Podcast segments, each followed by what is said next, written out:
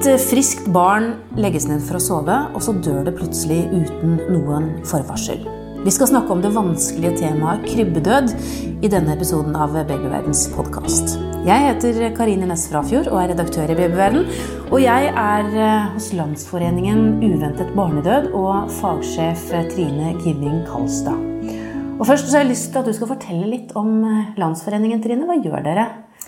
Vi er en forening for eh, de foreldrene og familiene som mister et barn. Enten barnet har fått leve, levd en liten stund, død ved fødselen eller før fødselen. Så driver vi mye med forebyggingsarbeid. Og vi driver med forskning, slik at vi kan få kunnskap om hva kan vi gjøre for å redusere barnedødeligheten i Norge. Hva vil du si om barnedødeligheten i Norge generelt sett? Er den, den er lav i en global sammenheng. Men vi mener at eh, vi har potensial for å redusere den ytterligere i Norge. Så mm. Derfor så jobber vi systematisk med det hver eneste dag. Det er bra. Du, um, Krybbedød er jo et ord som får det til å gå kaldt nedover ryggen tror jeg, på de mm. fleste foreldre. Uh, hva er det for noe? Det er jo rett og slett det at et barn legges ned for å sove, og så våkner det ikke igjen. Så finner vi ingen svar. Enten i sykehistorien eller obduks etter obduksjonen eller i omstendighetene, så kan vi ikke forklare hvorfor dette barnet døde. Da får barnet diagnosen krybbedød, som altså er en eksklusjonsdiagnose. Vi vet ikke ennå hva krybbedød er. Selv med forskning og mange års erfaring? Ja. Forskning har jo gitt oss mye kunnskap om risikofaktorer. Så derfor er jo også tallene på krybbedød ekstremt lave i dag. Sammenlignet med toppåret i 1989, hvor over 150 barn døde. Så mange av de barna som fikk krybbedød den gangen, kan nå få andre årsaker, som infeksjoner, som stoffskiftesykdom, som andre hjerterytmeforstyrrelser f.eks. Så mange har fått en forklaring av de som kanskje tidligere ville ha fått eh, diagnosen krybbedød. Mm. Du sa det var et toppår på, på 80-tallet. Når, mm. når begynte man først å snakke om krybbedød? Ja, Det var på 60-70-tallet. Så kom den første definisjonen på krybbedød. Men krybbedød har jo, blitt, har jo eksistert i all tid. Tidligere snakket vi om å sove i hjel, ligge i hjel barnet f.eks. Helt i bibelsk tid så hører vi om det. Så krybbedød har jo alltid eksistert. Men eh, det ble først en diagnose i 1969. Og så var det toppår da på, i 1989? Ja, I Norge så hadde vi et toppår i 1989. Da hadde vi eh, SSB-tallene viser 142 tilfeller av krybbedød. Ehm, så begynte vi snuoperasjonen. Å snu barnet fra å sove på magen til rygg, og tallene ble redusert kraftig med en gang vi gjorde denne snuoperasjonen. Ja. Det kan vi snakke mer om senere. Det skal vi gjøre. Um, men hvordan ligger vi an nå, da? Hvor, hvor, hvor mange barn dør årlig av krybbedød nå? I, i gjennomsnitt ca. 10-12 i året. Og så er det for, uh, spredd på alder. Ja. Ytterst få uh, dør etter ett år. Men uh, de fleste dør altså i, mellom null til ett år. Er det noe spesielt tidspunkt som er mer kritisk enn andre i utviklingen? Før hadde man en eh, peak på to til fire måneder. Den har flatet litt ut, men det tror vi skyldes at forekomsten er blitt så mye lavere. Mm. Så vi ser, at, eh, vi ser tydeligere de aller minste barna i dag. At det, at eh, det er en del som dør innen de to-tre første månedene. Og dette er en veldig sårbar tid for spedbarna, og derfor er det ytterst viktig at vi når ut med forebyggende informasjon helt fra dag én, slik at vi som foreldre kan gjøre det vi kan for å skape et trygt sovemiljø for mm. barnet. Men Er det noe fellestrekk hos disse barna som dør? Ja, Da spør du om fellestrekk på noe vi ikke vet hva er. da. Så, så, det er faktisk veldig vanskelig å si noe om. Men risikoen er jo høyere for de aller minste barna, for de premature, for de som har blitt eksponert for røyk under svangerskapet. Så da er vi igjen inne på, på risikofaktorer som gjør at uh, vi kan være med og gjøre det vi kan. Men vi, det fins ikke noe krybbedødgen. Nei, for det er ikke bare... genetisk betinget, dette her? Har det noe med foreldrene å gjøre? Vet du noe om det? Vi vet at eh, det kan være det, kan, det, er et samvirke mellom at noen barn er sårbare for å kunne dø i krybbedød. Disse regner vi med har kanskje en genetisk sårbarhet men vi vet ennå ikke hva den består i eksakt. Og fordi vi ikke vet nok om hvem de sårbare barna er, så må eh, rådene for trygt sovemiljø gjelde alle. Ikke sant? Så det er et samvirke mellom et sårbart utviklingstrinn, mellom kanskje en genetisk defekt av noe slag, og omstendigheter, altså risikofaktorer som vi kan være med på å påvirke. Når dette virker sammen, så kan et barn i ytterste konsekvens, og veldig sjeldent, dø i krybbdød. Men i og med at uh, Nå skal jeg si jeg bare i anførselstegn, for det er tross alt ti barn vi snakker om. Mm. Men det er jo heldigvis har gått uh, kraftig ned, som du sier. Mm. Uh, forskes det fortsatt på det nå som man har sett så gode resultater av forebyggingen? Det forskes fortsatt på. Og, og det sentrale i forskningen nå, det er jo nettopp hva kan vi lære mer om med hensyn til den genetiske situasjonen. Så det gjøres eh, studier. I Norge gjøres det eh, slike studier fortsatt. Og vi er glade for at det er noen som fortsatt har lyst til å forske på dette. Så vi gir litt penger til krybbedødsforskning her i Norge fortsatt. Og dere, som du sier, er veldig opptatt av å forebygge. Tidligere så vet jeg at det ble gitt ut bodyer til eh, alle barna som ble født eh, i Norge med påskriften 'Denne siden opp'. Mm. Den hjalp, gjorde den ikke det? Ja, vi så at i den perioden, og det var jo 15-16 år, hvor vi kunne dele ut denne babybodyen, som ga ett hovedråd. Det var å sove på rygg fra dag én. Eh, I kampanjeperioden da, så ble faktisk forekomsten av krybbedød redusert med Eller en halvering, så vi da. Så at babybodyen har bidratt, det er jeg ikke i tvil om. Men nå gis jo ikke denne ut lenger? Nei, den gjør ikke det. De siste årene har vi ikke hatt en sponsor som har vært med og kunnet betale for dette. Så vi har vært litt engstelige for at vi mister fokus og oppmerksomhet og dermed også litt kunnskap om hvordan forebygge. Men heldigvis så ser vi at foreløpig at tallene er stabile. Og vi har laget en egen brosjyre med bilde av denne babybodyen som vi håper kan hjelpe foreldrene til å, til å huske på dette fortsatt. For det er mye man kan gjøre som foreldre for å forebygge krybbedød. Det er en del risikofaktorer, ikke sant? Mm. Vi skal gå gjennom de, eh, Trine, men aller først så tar vi en eh, liten pause. Vi snakker altså om uh, uventet barnedød, et trist og vanskelig tema i Babyverdens podkast i dag. Krybbedød, og jeg er på besøk hos Landsforeningen uventet barnedød. Fagsjef der Trine Giving Karlstad.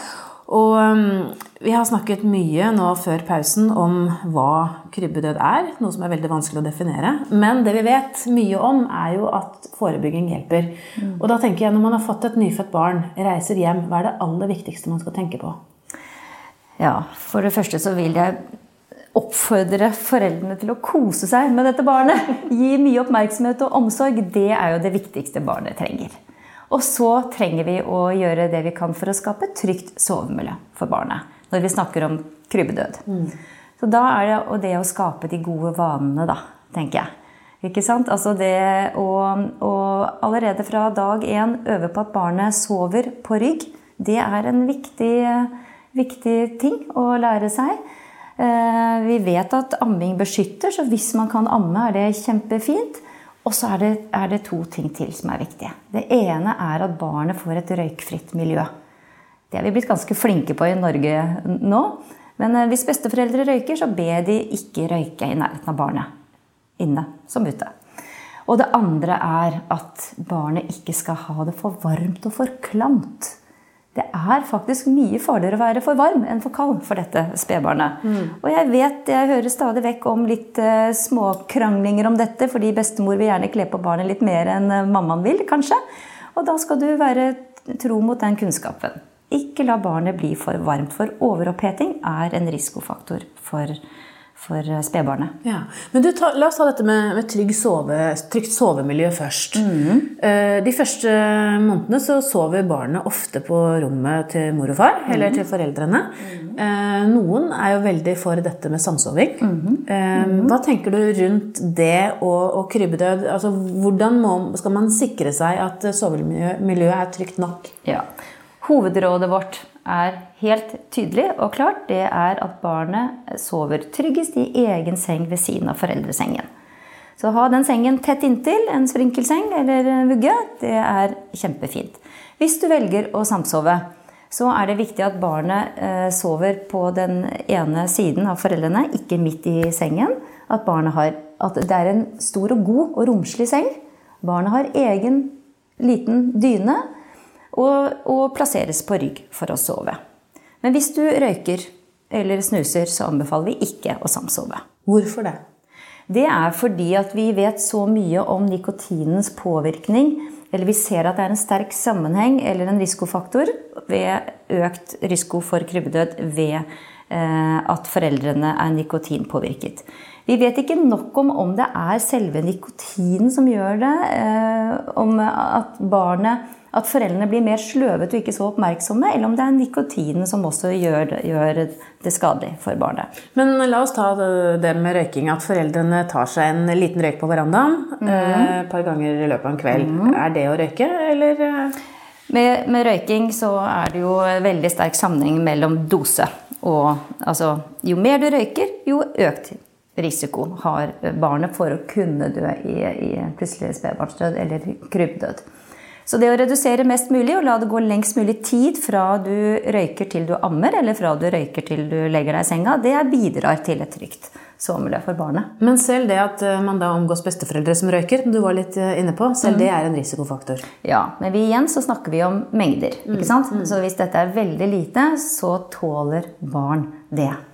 Så, så, her må vi prøve å bruke litt sunn fornuft også. ikke sant? Mm. Men fokus er skap et røykfritt miljø. Det er det beste for barnet. Og så er dette de optimale rådene, og så må man prøve å tilpasse slik at man har det godt og levelig hjemme. Ja. Og så var du veldig tydelig på at, man, at, babyen helst skal ha sin egen seng ved siden mm. av foreldrene sine. Mm. Betyr det at du egentlig ikke anbefaler samsoving? All forskning konkluderer med at barnet bør sove i egen seng ved siden av foreldresengen. Det vi har gjort i Norge i mange år nå, det er å også gi råd om hvis du velger å samsove, så må du gjøre det tryggest mulig og på en forsvarlig måte. Og det betyr at foreldrene ikke skal røyke eller, eller snuse. Vi, har veldig lite forskning på snus, men vi må bruke kunnskapen om nikotin og gi det et generelt og et forbeholdent råd. Eh, og at barnet skal eh, ligge eh, på den ene siden av foreldrene, og det skal være fast og ren madrass, det skal være god plass. Så du må ta dine forhåndsregler hvis du velger å samsove. Mm. Og gjerne ha et sånn babynest, eller ha egne, en liten ramme rundt seg, hadde jeg nær sagt, i nei, sengen? Nei, det anbefaler vi heller ikke. Det gjør vi ikke. Har, nei, vi gjør ikke det. For per i dag så har vi ikke noe forskning som faktisk verken kan si at det beskytter forebygger mot krybbedød, eller at det er farlig. Så så lenge vi ikke vet, og ikke har noe forskning, så kan ikke vi gå ut og si vi anbefaler bruk av babynest. Men jeg tenker at hvis barnet skal ligge på den ene siden, så kan det jo fort trille ut av sengen.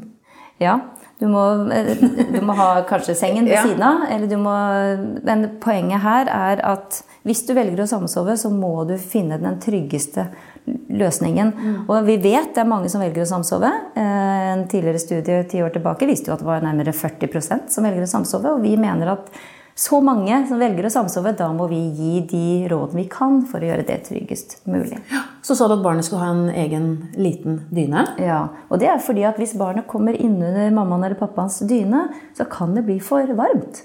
Og det kan bli for trangt. Det kan bli for klamt. Så dette er også for å sikre at ikke barnet blir overoppheta. Mm. Mm. Vi ser jo ofte bilder av flotte barnerom med senger mm. med kosedyr og mye mm. pynt og stæsj rundt. Mm. Hvordan skal sengen til barnet se ut? renest mulig, holdt jeg på å si. Minst mulig i senga. Og det er et dilemma, det der. For vi ønsker jo å lage det koselig, og vi har noen bilder av det, det søte barnerommet og den koselige senga med mye kosedyr, dyne og puter og alt. Men igjen, forskning viser at jo mer som er i senga, jo mer er det mulighet for at barnet kan få tildekt nese og munn. Og hva skjer da? Jo, da får barnet dårligere pusteforhold. Mm. Det kan bli for varmt, det kan bli for klamt, du kan få begynne å puste inn brukt luft. Og det øker risikoen for krybbdød. Så kosedyrene skal ut av senga? Ja. Kosedyrene bør ut av senga. Til nød en liten bamse. Og så tenker jeg du sier eh, denne side opp, barnet skal sove på ryggen. Og så vet vi at når de blir litt eldre, så kravler de rundt, og så sover de nær sagt over hele sengen til slutt. Yep. Og snur seg rundt og i det hele tatt. Hvor, hva skal man gjøre da? Da skal du la barnet få lov til å velge sin egen sovesengstilling. Du skal etablere vanen om å legge barnet ned på rygg. Når barnet selv begynner å snu seg, så fortsetter du å legge barnet ned på rygg når det skal sove. Og hvis det snur seg med en gang over magen, så er det greit. For du fortsetter med den rutinen du har øvd inn. Og de fleste, de få barna som, i, eh, som dør i krybbedød i dag, de finnes på magen. Men det er fordi, alle, er fordi de aller fleste barna sover på magen etter hvert når de velger sin sovestilling. Men det kan du slappe helt av med som foreldre. For Det finnes jo sånne poser som man nærmest kan stroppe barna fast? Det gjør det, og hvis du bruker det, så tror jeg det er lurt å begynne å bruke det veldig tidlig. Slik at ikke du begynner å bruke det når barnet begynner å kravle rundt og kan vikle seg inn i snorer og sånn. Det er øh, kanskje mer farlig. Mm. For det kan skje at du at ja, du får snorene rundt halsen f.eks. Mm. Så begynn med det tidlig hvis du velger å bruke det. Men du sier at eh, de fleste barna som blir funnet døde, de blir faktisk funnet på magen? Ja, eh, halvparten ca. I løpet av den siste tiårsperioden så er det ca. halvparten som blir funnet på magen. Og det er eh, Eller snaut, det. Og det er igjen fordi at de velger å sove på magen. Men skal vi snu eller, sovende barn? Altså Hvis vi kommer inn på kvelden ser at barnet har snudd seg på magen, skal vi snu det rundt på ryggen igjen? Da, hvis du snakker om de aller minste barna, så, så, vil jeg foreslå det. Men her igjen må du også finne ut, eh, finne ut eh, hva som er mulig. Altså, å vekke et barn hele tiden er heller ikke bra. ikke? Mm. Så prøv å fokusere på venn de til å sove på, på, ryggen, og så er det det aller viktigste for de minste barna. Mm. Opplever dere at foreldre er redde for krybbedød? At de tar dette alvorlig? Ja, det opplever jeg. Og vi får spørsmål inn til oss jevnlig. Nesten ukentlig. Og vi ser at på våre nettsider så er 'Hvordan redusere risikoen for krybbedød' en av de mest besøkte sidene. Mm. Selv om det dør ti barn i året i gjennomsnitt. Det er ti barn for mye, og det er en fryktelig opplevelse for de dette gjelder. Men selv om vi har klart å redusere med 90% av forekomst i krybbedøden i Norge, så er vi så redde for dette fortsatt. Så dette sitter som en støkk i oss. Mm. Og det er veldig flott å se hvor flinke norske foreldre er til å gjøre det de kan. Og da er jeg veldig nøye på å si når man har gjort det man kan, så kan man ikke gjøre mer. Da skal du kose deg med barnet og ta deg tid til å være sammen med det. Takk skal du ha, fagsjef i Landsforeningen uventet barnedød, Trine Giving Karlstad. Hvis du lurer på mer om dette temaet, finner du mange artikler på babyverden.no og diskusjoner med andre i Babyverdens forum. Hvis du ikke allerede har lastet ned appen vår, Gravid og barn, så anbefaler jeg deg å gjøre det med en gang, så kan du følge utviklingen til barnet ditt dag for dag og uke for uke. Siden du er opptatt av graviditet og barn, kan det også være lurt å abonnere på Babyverdens podkast, så får du nye episoder automatisk hver uke. Det er også vi som lager podkastserien Gravid uke for uke. Den bør du også få med deg hvis du har barn i magen. Har du kommentarer eller et tema du ønsker at vi skal belyse, så kan du sende en e-post til podkast at babyverden.no. Men husk at vi som lager denne podkasten er journalister og ikke helsepersonell. Så hvis du har medisinske spørsmål, må du ta kontakt med jordmor eller fastlegen din. Ha det godt til vi høres igjen.